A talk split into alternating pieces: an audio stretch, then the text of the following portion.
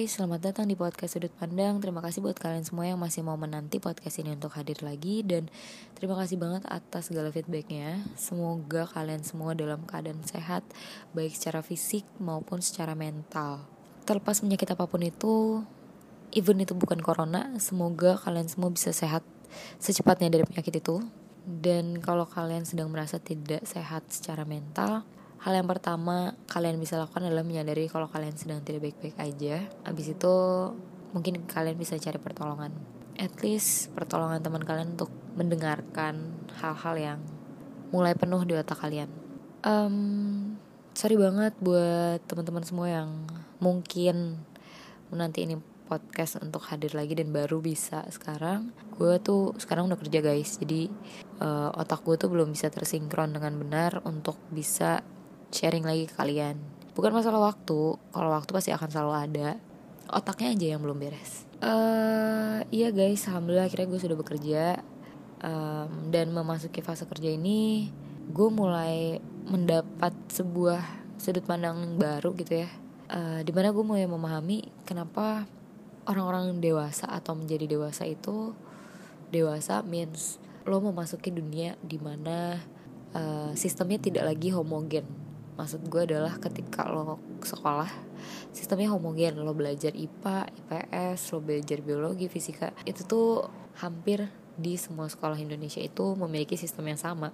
Even lo berada di sekolah yang berbeda mungkin lo akan mengetahui oke okay, lo pasti belajar ini juga itu dan ada variabel-variabel lain yang akhirnya uh, cukup menekan lo ketika lo masuk dunia ini di satu sisi lo berada di sebuah sistem baru yang selalu berbeda. Selalu berbeda adalah ketika lo pindah pekerjaan even ketika lo berada di pekerjaan lo karena bayangannya tidak sejelas ketika lo dari SMP ke SMA atau bahkan dari SMA ke kuliah karena bayangannya cukup uh, tabu gitu ya kecuali buat lo semua yang dari kuliah paling enggak lo udah tau lo mau kerja di mana jadi lo bisa research lebih banyak. Sebenarnya itu adalah hal yang gue miss ketika gue kuliah. Dan ya tapi ya udahlah ya.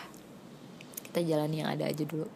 Gue tuh dulu selalu mempertanyakan kenapa ya orang-orang dewasa itu tidak pernah bahagia. Maksudnya tidak pernah bahagia adalah itu pikiran gue waktu kecil. Cuman artinya adalah kenapa mereka mostly itu ada momen-momen di mana mereka selalu sensitif.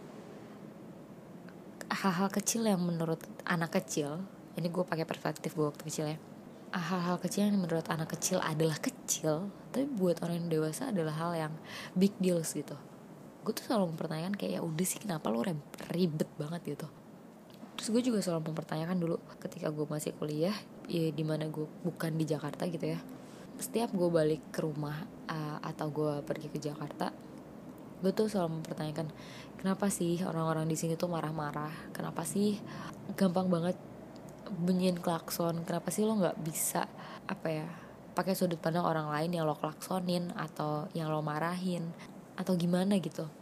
Tapi setelah gue bekerja gue memahami gitu kenapa hal ini terjadi. Karena mungkin jalanan adalah tempat terbaik orang Jakarta untuk melakukan katarsis untuk melampiaskan segala emosi yang gak bisa dikeluarkan di tempat kerja atau di rumah. Karena ketika lo di jalan, kita semua adalah orang yang sama. Lo gak akan pandang bulu. Ya mungkin ada yang orang pakai Mercy, ada orang pakai BMW tapi kredit, ada orang yang pakai Honda biasa tapi mobilnya ada beberapa. Tapi lo gak akan pernah tahu. Yang lo tahu ya udah lo semua menuju suatu arah gitu ya, menggunakan jalan yang sama. Dan ketika ada suatu hal yang menghambat, itu menjadi trigger lo untuk mengeluarkan segala emosi. Itu pertama. Hipotesis yang kedua adalah yang namanya bekerja itu tidak semua orang bisa meraih pekerjaan yang dia inginkan. Bahkan tidak semua orang mengetahui pekerjaan yang ia inginkan. Maksudnya adalah mungkin sering kali di kantornya dia menghadapi hal-hal yang tidak menyenangkan. Senin sampai Jumat mungkin hal yang tidak menyenangkan. Dan Senin sampai Jumat mereka menggunakan jalan. Senin sampai Jumat mereka ada di kantor dan tidak menyenangkan. Di jalan mereka harap bisa mendapat ketenangan dengan tidur di jalan mungkin. Atau bisa dapat jalan yang nggak macet dan lain-lain. Jadi itu adalah tempat atau alasan lain mereka mengeluarkan katarsis di jalan dengan klakson marah-marah. Gue juga nggak bisa bilang kalau di Jakarta itu sesadis itu enggak juga. Ada juga orang-orang yang bahagia mendapat kerja di Jakarta mendapat tempat yang nyaman teman-teman yang enak atasan yang baik developing diri yang terpenuhi tapi tetap marah-marah di jalan mungkin karena setiap kali lo bekerja lo namanya bekerja ya lo bertanggung jawab atas sesuatu dan lo dibayar atas tanggung jawab lo dan terkadang tanggung jawab itu membutuhkan ketepatan waktu ketepatan waktu tuh maksudnya apa ya semuanya itu butuh tepat waktu agar sistem itu berjalan dan tidak terhambat. Dan ketika di jalanan Jakarta yang lo tahu sangat tidak bisa dipercaya waktunya. Kalau misalnya lo bilang jam jam 4 sampai jam 7 itu macet, nggak selalu. Atau kalau lo bilang pagi jam 5 sampai jam 7 macet, itu juga nggak selalu dan itu semua nggak pasti. Sedangkan even orang yang bahagia dengan pekerjaannya pun kalau misalnya terjadi sesuatu di jalan dia juga akan lakson untuk mungkin sekedar menenangkan dirinya um, gue adalah orang yang naik kendaraan umum guys di Jakarta terus gue sering mikir apa aja ya tanggung jawab yang dipikul orang-orang di gerbong ini. Gue kadang-kadang suka apa namanya stalking. Gak stalking juga sih. Gue ngeliatin satu orang yang atau beberapa orang yang terlihat lelah dengan hidupnya dengan perjalanan yang dia tempuh. Gue tuh kadang mikir kayak beban apa aja ya yang dipikul? Apakah seberat itu atau ternyata dia punya pilihan lain untuk bisa lebih cepat terus gue juga melihat orang-orang yang berada di luar gerbong atau berada di luar busway gue dengan mobil pribadinya dengan motor pribadinya. Apakah mereka bahagia dengan segala fasilitas yang mereka miliki? Apakah mereka memanfaatkan waktu yang mereka punya dengan tepat sesuai yang mereka inginkan? Sesuai yang keluarga mereka ekspektasikan? Atau ternyata even lo jalan kaki atau even lo naik busway atau lo naik mobil bagus sekalipun bebannya akan sama. Kita semua sama-sama jadi korban dari segala hal yang ada di hidup kita. Bahkan gue ngerasa even kita menjadi korban ya maksudnya ya kita menjadi korban tapi kita adalah korban yang memakan korban. Paham gak sih lo? Kita merasa kenapa ya hidup gue kayak gini banget? Misalnya kayak gitu. Terus ya kayak gitu. Terus ketika ada teman kita yang mau cerita kita menganggap diri kita korban. Tapi teman kita tuh lagi butuh tempat cerita. Terus habis itu ketika dia cerita kita cerita masalah kita dengan perspektif kita karena kita mau didengarkan dan dia juga mau didengarkan akhirnya kita memakan korban. Kita sebagai korban memakan dia sebagai korban. Paham gak sih lo? Manusia adalah korban yang memakan korban. Mungkin kita semua butuh didengarkan. Padahal ya kita tuh punya tempat buat selalu didengarkan tapi kita selalu menolak. If you know what I mean. If you don't know coba lihat lagi siapa yang sebenarnya ada 24 jam buat lo. Oh ya um, beberapa bulan yang lalu sempat ada yang pernah request ke gue kak bahas toxic relationship dong di tempat kerja terus saat itu gue masih berada di tempat kerja yang baru gitu. Gue belum tahu toxic itu kayak gimana di tempat kerja hal-hal apa yang sebenarnya bisa menghambat. Toh lo cuma kerja habis lo pulang. Paling yang toxic tuh di jalan karena lo capek. Karena gue adalah ngelaju gitu ya. Kalau lo paham ngelaju adalah pulang pergi dari kota ke kota lain untuk bekerja. Di mana gue dari Bekasi ke Jakarta dan begitu setiap hari sampai akhirnya gue melakukan observasi gue melihat hal-hal oh mungkin ini yang dibilang toxic. Oh mungkin gue merasakan efek dari itu.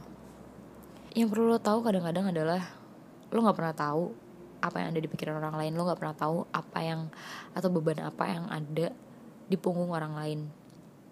Di punggung orang yang lo pikir dia toksik mungkin salah satu toksik yang mungkin menurut gue toksik gue minta maaf nih kalau misalnya definisi toksik kita berbeda. Tapi mungkin salah satunya adalah uh, ngomongin orang lain di kantor lo. Um, ngomonginnya tuh dari belakang terus habis itu ketika ada di depannya semua terlihat baik-baik aja. Mungkin menjatuhkan orang lain menghasut. Gue tuh mikir gitu ya apa sih yang ada di otak orang yang ngomongin ini? Maksudnya dia tuh pernah kejadian apa? Karena buat gue itu cukup membantu. Gue juga dulu sempet kesel gitu kayak kenapa sih nih uh, sistem atau pergosipan ini tuh terjadi di lingkungan kerja yang gak sehat? Kayak kenapa lo nggak ngomong aja ke orangnya langsung biar semua masalah teratasi? Gitu kan. Terus gue observasi lagi kayak ya mungkin memang semua case beda ya. Ada tergantung orang-orangnya. Tapi setelah gue lihat oh ternyata si orang yang ngomongin ini punya beban yang lebih besar di luar pekerjaannya mungkin atau di tempat pekerjaan maksudnya kayak gini gini loh. Ketika kita punya masalah kita pengen didengerin kan. Tapi ternyata ya kita tuh pengen didengerin bukan hanya tentang uh, masalah kita gitu. Jadi kita tidak hanya mencurahkan masalah yang ada di diri kita tapi kita tuh terkadang pengen didengerin aja. Jadi bahan gosip itu adalah bahan di mana lo bisa didengerin gitu enggak sih? Jadi intinya ya lo butuh didengerin balik lagi. Ada yang mendengarkan lo 24 jam gitu. Kalau toxic relationshipnya yang lain mungkin adalah cara komunikasi yang kurang tepat yang entah itu bisa dari temen lo sebagai kolega lo atau dari atasan lo? Mostly mungkin lo ngerasain dari atasan lo. Karena gini sih gue pun sempat merasakan itu sempat karena uh, ya percikan-percikan lah baru. Tapi gue rasa mungkin lo semua pernah ada yang ngerasain dimarahin sebegitunya. Dan lo ngerasa kayak kenapa sih lo harus ngomongnya kayak gini? Kenapa kita nggak nyelesain masalahnya dengan baik-baik? Karena itu mungkin salah satu katarsisnya dan lo menjadi sasaran yang tepat untuk mengeluarkan segala emosinya kalau lo orang yang punya alur katarsis dengan baik means lo bisa mengeluarkan emosi lo dengan baik tanpa menyakiti orang lain lo mungkin bisa terima itu dengan baik gitu. Maksudnya ketika atasan lo marahin lo mungkin ini akan membantu ya. Lo coba pikirin atau lo coba cari tahu sebenarnya atasan lo ini punya masalah apa aja? Beban pekerjaannya sebesar apa kalau misalnya memang itu ternyata sebesar itu dan lo menghambat si orang ini itu akan membantu lo untuk memahami oh kenapa orang ini sebegitu marahnya dengan kesalahan lo yang kecil tapi ternyata kesalahan itu menghambat pekerjaan dia yang segunung gitu misalnya. Akhirnya karena lo mulai memahami itu lo mulai baru uh, mengerti oh ternyata kesalahan kecil tuh dampaknya bisa sedahsyat itu buat orang lain. Dan kebetulan orang ini punya power untuk menuangkan segala dampak negatif yang dia terima ke lo dengan cara marah-marah. Karena ya terkadang kita tuh nggak pernah tahu gitu beban apa aja yang dia ada yang ada di orang itu. Entah itu tuh beban dari masa lalu. Iya gue tahu lo tuh tidak bertanggung jawab atas bebannya dia. Tapi lo tuh membantunya membantu dia dengan menjadi sasaran empuk. Ya lo kalau nggak mau jadi sasaran empuk ya jangan berbuat salah atau lo harus tahu manner yang baik kayak gimana kalau misalnya emang lo nggak tahu manner yang baik kayak gimana lo bisa membantu dia dengan cara menjadi sumber marah-marah. Itu membantu kok karena pasti dia lega deh habisnya. Kalau enggak ya mungkin dia butuh korban lain. Ya itu. Dia pasti korban dari suatu hal di masa lalunya atau di masa sekarangnya dan dia akhirnya memakan korban lain. Manusia adalah korban yang memakan korban. Terus gimana dong? Ya kita harus cari kita harus tahu sih sebenarnya kita kenapa kalau menurut gue ya. Dulu tuh gue sempet mikir apakah feeding ego kita atau memberi makan ego kita itu harus menyakiti orang lain? Yaitu salah satu caranya adalah dengan marah-marah atau dengan membalas suatu hal. Gue uh, tapi ternyata enggak juga gitu. Asal lo punya tempat katarsis yang baik. Tempat katarsis tuh nggak mesti marah-marah. Tempat katarsis itu nggak mesti mengeluarkan emosi gitu. Nggak mesti segalanya harus menangis dan berkelahi itu enggak. Kadang lo cuma butuh olahraga capek dikit biar energi lo tuh tersalurkan. Secara biologis kalau lo marah-marah kekuatan lo atau hormon lo tuh naik dan energi lo tuh jadi lebih banyak. Makanya kadang kalau orang marah tuh bisa sampai nonjok tembok sampai bolong. Tapi kalau dia lagi nggak marah-marah dia nggak akan bisa nonjok dengan kesadaran penuh gitu. Jadi mungkin lo bisa melampiaskan emosi lo sedikit demi sedikit dengan olahraga. Dan itu kenapa makanya olahraga adalah hal yang penting buat kesehatan fisik lo dan kesehatan mental lo. Yang kedua menulis itu bisa jadi tempat katarsis yang baik daripada lo korban yang memakan korban ya. Dan terakhir mungkin berbicara dengan diri lo sendiri atau berbicara dengan siapa pun yang ada buat lo 24 jam. Gak mesti orang. Bisa ke Tuhan lo bisa ke kucing lo bisa ke diri lo sendiri lewat kaca. Karena dengan berbicara dengan hal yang tidak memberi feedback atau nggak memberi lo jawaban itu membuat lo mencari jawaban atas permasalahan diri lo sendiri. Lo pasti mikir lagi kayak kenapa ya gue kayak gini? Oh ternyata gue kayak gini ah oh terus kalau gue harus kayak gimana? Tanpa lo harus takut dijudge tanpa lo harus takut dan menutupi segalanya tanpa lo harus memakan korban lain gitu. Ya mungkin itu bisa jadi cara yang ampuh ketika lo menghadapi sesuatu situasi yang toksik nggak mesti di kantor bisa aja di lingkungan pertemanan lo bisa aja di relationship lo di mana pun. Entah lo dengan pacar lo lo dengan teman lo keluarga lo mungkin itu bisa dicoba. Gue menyadari orang yang paling mudah lo sakiti adalah orang yang lo sayangi atau orang yang sayang sama lo. Dan gue juga memakan korban atas overthinking gue dengan persepsi-persepsi yang belum terbukti. Dan akibatnya mungkin bisa persepsi gue yang jadinya judgement ke orang lain dan hal lainnya juga bisa. Perubahan sikap dari gue yang udah gak bisa gue tutupin. Even semuanya hanya based on asumsi. Gue mulai lupa adanya tempat di mana gue bisa mencurahkan segala hal 24 jam nonstop. Gue mulai lupa kalau gue hidup di sini tuh nggak sendiri gue mulai lupa kalau gue itu hadir nggak cuma dengan otak gue tapi juga dengan hati gue. Gue lupa kalau nggak semuanya itu harus dikhawatirkan. Gue lupa kalau gue nih cuma manusia. Gue berharap lebih dari itu. Coba dengerin diri lo sendiri terlebih dahulu. Semua orang tuh pengen didengerin.